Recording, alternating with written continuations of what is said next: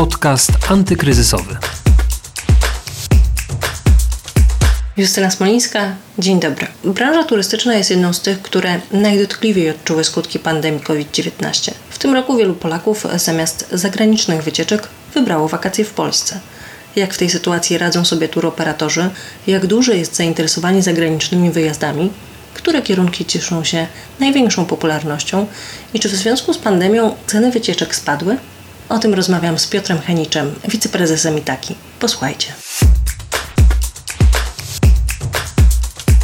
Aby odpowiedzieć na to pytanie, musimy się cofnąć o kilka miesięcy wstecz, tak naprawdę, bo zawsze oceniamy sytuację firmy w danym sezonie, w danym roku. W związku z tym musimy pamiętać o tym, że COVID-19 branżę turystyczną zaskoczył już lutym tak naprawdę, na przełomie stycznia do tego, czyli wysokim zimowym sezonie, kiedy to zmuszeni byliśmy ograniczać wyjazdy do krajów azjatyckich, kiedy to zmuszeni byliśmy zakończyć możliwości wyjazdów na czasy do Włoch i tak naprawdę spowodowało to, że nasz sezon zimowy zakończył się w sposób e, taki bardzo gwałtowny i przede wszystkim zakończył się bardzo dużymi, niespodziewanymi kosztami, które spowodowała przymusowa repatriacja klientów. Także tak zakończył się sezon e, zimowy niespodziewanie z dużymi, z dużymi stratami. No i od 1 kwietnia powinniśmy rozpocząć sezon letni, który zazwyczaj trwa zawsze, może tak trwa 7 miesięcy a w tym roku niestety rozpoczęliśmy ten sezon tak naprawdę dopiero bodajże 3 lipca, czyli nasza działalność operacyjna została zawieszona na ponad 3 miesiące, czego konsekwencją oczywiście były olbrzymie straty. Tak ta sytuacja wygląda na tą chwilę. Powiedział Pan, Panie Prezesie, że rozpoczęliście tę letnią działalność w lipcu. Natomiast to też chyba nie jest działalność taka na 100%, dlatego że mimo otwarcia granic, to nadal do części krajów jest zakaz lotów, tak? Rząd podał nową, zaktualizowaną listę państw, do których na razie nie polecimy. Tych państw jest ponad 40 i dużo się też zmienia cały czas. Cały czas mamy do czynienia z dużą niepewnością na tym rynku. Czy to też się jakoś na Was odbija? Jak wpływa to na Waszą ofertę wycieczkową? Tak, oczywiście jest to olbrzymie ograniczenie, ponieważ e, nie możemy tak naprawdę nic zaplanować, co jest w naszej działalności rzeczą fundamentalną. Co dwa tygodnie zmieniają się informacje i rozporządzenia dotyczące tego, do jakich krajów można latać, na jakich warunkach można latać, a do których nie można prowadzić e, działalności operacyjnej. I to jest taka sytuacja, która z jednej strony utrudnia nam, turoperatorom, prowadzenie działalności, a przede wszystkim ma bardzo negatywny wpływ na podejmowanie decyzji przez rynek konsumencki, który jest pełen obaw i to może niekoniecznie obaw o swoje zdrowie, tylko obaw o to, czy dany wyjazd wakacyjny dojdzie do skutku, czy nie zostanie on zakłócony, czy nie zostanie przerwany, czy nagle nie będą klienci objęci przymusową kwarantanną, czy nie będą musieli wcześniej wrócić do kraju. I te wszystkie mm, niepewne informacje powodują to, że klienci są pełni obaw i niechętnie decydują się na wyjazdy zagraniczne. To trochę o tych konsumentach teraz porozmawiajmy. I w ogóle jak duże jest zainteresowanie zagranicznymi wyjazdami teraz? Jak dużo osób chce pojechać na e, zagraniczne wyjazdy? Ilu klientów w tym roku skorzystało z usługi taki? No i jak to wygląda w porównaniu z rokiem ubiegłym? To, co się dzieje w naszej firmie Witacy jest w dużej części odzwierciedleniem rynku w ogóle biur podróży, tak? mając na uwadze duży udział i taki w całym rynku. I jeżeli spojrzymy na to, powiedzmy, jak ta sytuacja ma się od początku roku, no to no to możemy powiedzieć tak, że powiedzmy w minionym roku, w roku 2019 od początku stycznia do połowy lipca wyjechało na wakacje około 600 tysięcy klientów i taki powiedzmy, a w tym roku ta liczba nie przekracza 110-115 tysięcy, tak? Czyli widać ewidentnie, że spadki sprzedaży są w granicach 82%. A które kierunki cieszą się największą popularnością? Czy to się zmieniło, jeśli chodzi o te miejsca wypoczynku, które wybierają Polacy? Czy wybieramy jakieś no tak. bezpieczne po prostu kierunki? O to mi chodzi. To się, to się tak naprawdę bardzo zmieniło, ponieważ co roku funkcjonowało takie pojęcie jak moda na dany kierunek, moda w danym sezonie i te mody się zmieniały, tak jak upodobania rynku konsumenckiego się zmieniały to w tym roku ta sytuacja jest zupełnie inna, bowiem tak naprawdę w tym roku turyści wybierają nie te miejsca, do których chcieliby polecieć, tylko te miejsca, do których można lecieć. To jest ta zasadnicza zmiana. W związku z tym w momencie, kiedy rozpoczęliśmy działalność operacyjną 3 lipca, zaczęliśmy proponować wyjazdy do tych krajów, do których uprawniało nas rozporządzenie specjalne wydane w tym celu. I te pierwsze kierunki, które otworzyliśmy, to była Grecja, to była Bułgaria przede wszystkim, potem doszła Albania, Hiszpania, Włochy, Cypr. I tak to wyglądało mniej więcej w lipcu. Natomiast w zeszłym tygodniu rozpoczęliśmy latanie między innymi do bardzo popularnej w Polsce Turcji. No a na podstawie rozporządzenia, które się wczoraj ukazało, w najbliższych dniach rozpoczniemy również e, latać do Egiptu. Ale w międzyczasie z kolei zmieniły się przepisy na przykład dotyczące wyjazdów na Cypr, gdzie trzeba mieć jednak obowiązkowe badania na minimum 72 godziny przed wylotem, czyli ciągle to się zmienia, ciągle ta sytuacja jest e, rzeczywiście bardzo dynamiczna. Czy poza tym śledzeniem rozporządzeń rządowych, które jakby regulują to, do których e, krajów czy które kierunki możecie wybierać jako turoperatorzy, czy coś jeszcze musieliście zmienić w swojej ofercie, żeby dostosować się do nowych możliwości, do nowych warunków? E, czy trzeba było na przykład zmienić ceny wycieczek? Czy z tych kierunków dozwolonych wybrać też te, które wiadomo, że będą cieszyły się większą popularnością? Jak musieliście się dostosować do, do tego, co się dzieje? Tak, to prawda. Musimy cały czas dostosowywać się do, do tego, co się zmienia na rynku i tym tak naprawdę najistotniejszym elementem, na który w tej chwili klienci zwracają uwagę, co nie znaczy, że wcześniej tego nie robili, ale, ale nie w takiej skali, nie w takim stopniu, to jest kwestia dotycząca bezpieczeństwa wyjazdów. I to jest y, główny punkt, na którym się przede wszystkim skupiamy, prowadząc odpowiednią politykę informacyjną i prowadząc właściwą komunikację z klientem, informując go o tym, jak w tej chwili ta sytuacja epidemiologiczna wygląda, jak podróż klienta wygląda, począwszy od tego, kiedy się podróżny zjawia na lotnisku, jakie procedury są stosowane, kiedy wsiada do samolotu, jakie usługi mogą być świadczone, a jakie, jakie nie, jak wygląda transfer z lotniska do hotelu, jak wygląda pomoc rezydenta na miejscu. Tutaj na przykład wprowadziliśmy rozwinięcie możliwości aplikacji naszej mobilnej po to, aby na przykład rezydent niekoniecznie organizował spotkania takie informacyjne, powiedzmy dla kilkudziesięciu osób w danym hotelu. Staramy się, aby te spotkania odbywały się za pomocą urządzeń właśnie mobilnych, aby to najczęściej był czat z rezydentem. To są takie elementy, które praktycznie przez cały czas udoskonalamy, wdrażamy, wdrażamy w życie i staramy się dostosować do sytuacji, podobnie jak na przykład z kwestią fundamentalną, jaką było wprowadzenie możliwości rozszerzenia ubezpieczeń dla turystów wyjeżdżających na wakacje o właśnie ten element dotyczący COVID-19. Do tej pory większość, tak naprawdę, jeśli nie wszystkie ubezpieczalnie we swoich warunkach uczestnictwa e, jednoznacznie zastrzegały sobie, że ubezpieczenia nie dotyczą epidemii. Mając na uwadze aktualną sytuację, udało to się wynegocjować z firmami ubezpieczeniowymi i turyści e, ponosząc powiedzmy dodatkowy koszt rzędu kilkudziesięciu złotych w granicach 40 paru złotych, mają gwarancję tego ubezpieczenia na wypadek ewentualnego zachorowania podczas pobytu wakacyjnego na COVID, czyli pełne leczenie z, z tego tytułu, ewentualny transport i tak dalej. To są elementy, na które klienci zwracają w tej chwili szczególną uwagę.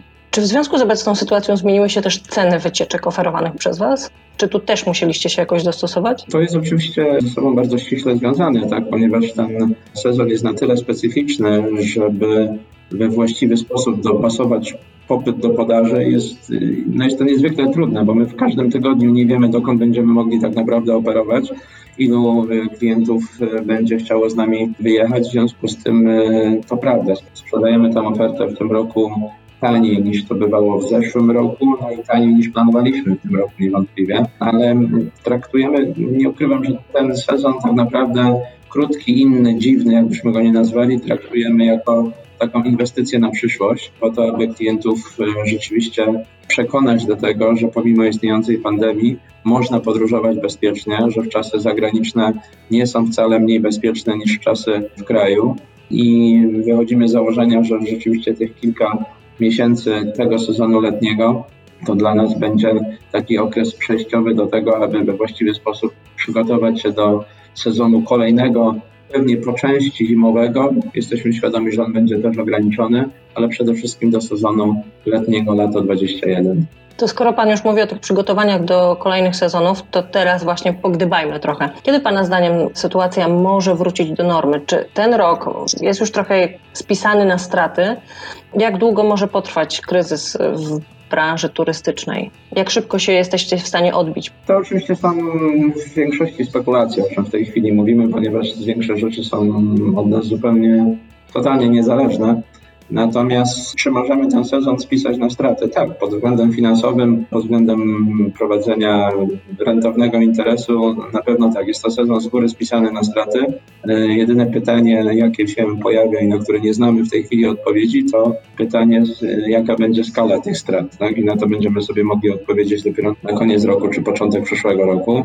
Natomiast tak naprawdę liczymy, liczymy na to, że to popularne słowo, które się często ostatnio używa, tak, czyli tak zwane odbicie również w naszej branży, że, że ono nastąpi w przyszłym sezonie letnim, tak? A, a, musimy pamiętać, że operowanie w przyszłym sezonie letnim to jest okres kwiecień, październik, natomiast sprzedaż powiedzmy sezonu letniego na kolejny sezon ona powinna się odbywać już w tej chwili. Nie, nie oszukujmy się, że w tej chwili nie ma zainteresowania wśród klientów albo jest ono bardzo znikome, jeśli chodzi o przyszły sezon letni.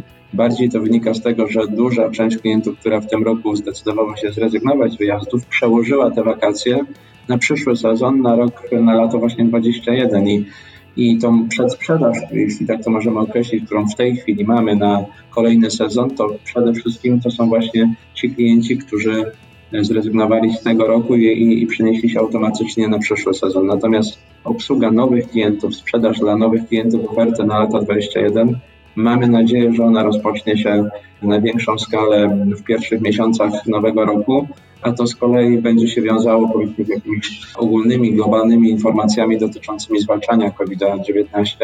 Mam tutaj na myśli przede wszystkim lekarstwa, szczepionki, bo to są takie elementy, które na pewno w sposób e, zasadniczy zadecydują o uspokojeniu, powiedzmy, ogólnej sytuacji. Oczywiście drugim dodatkowym, niezwykle ważnym czynnikiem, jak będzie wyglądał przyszły sezon w branży turystycznej, no to jest sytuacja finansowa naszych klientów, bo też jesteśmy świadomi tego, że ten kryzys w tej chwili, który tak naprawdę przecież dotyczy wszystkich albo w dużej mierze w większości branż też odbija się na zasobności portfeli naszych potencjalnych klientów.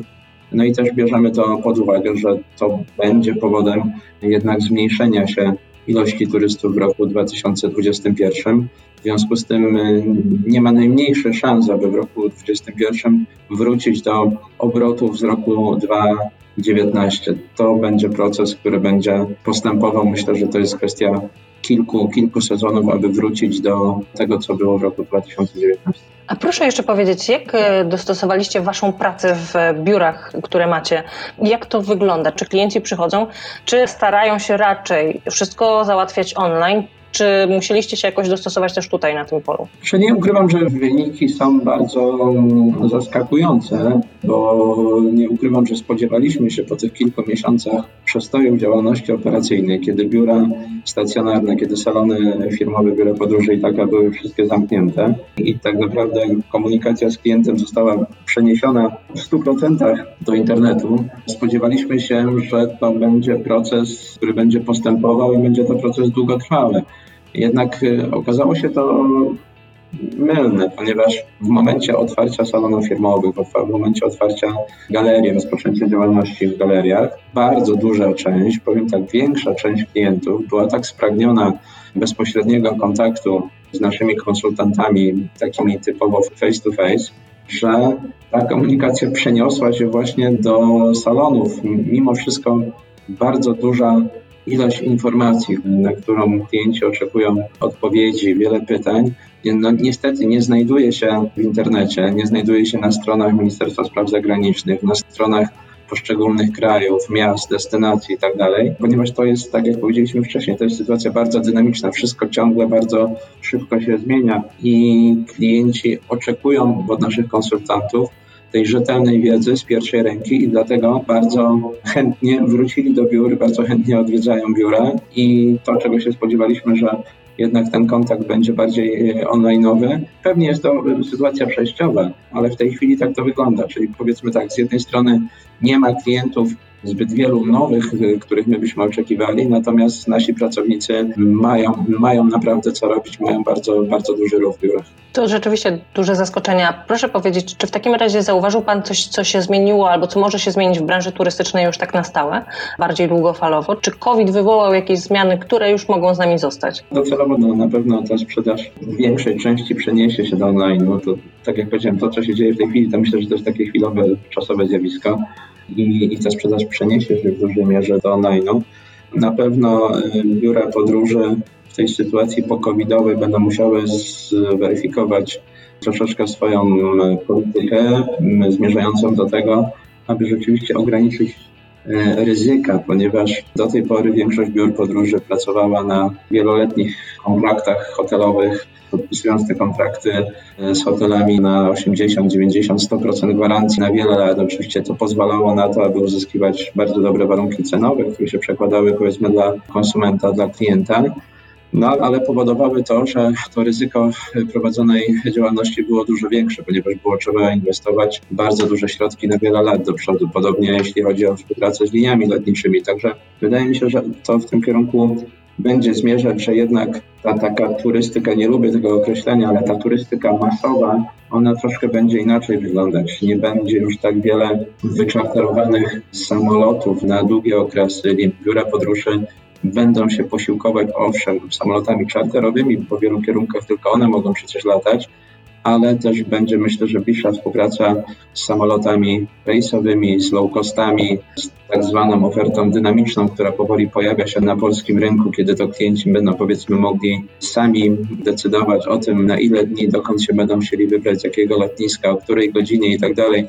Także myślę, że ta sytuacja covidowa przyspieszy procesy, które i tak na polskim rynku zaczęły stopniowo zachodzić w ostatnich latach. Natomiast myślę, że akurat to, z czym mamy w tej chwili do czynienia, znacznie przyspieszy te procesy i ta turystyka, powiedzmy przez duże T, organizowana przez operatorów y, na pewno w perspektywie kilku najbliższych lat ulegnie zmianie. Dziękuję bardzo panie prezesie za rozmowę. Naszym gościem Dziękuję. był Piotr Henik, wiceprezes Itaki. Dziękuję bardzo. Dziękuję bardzo.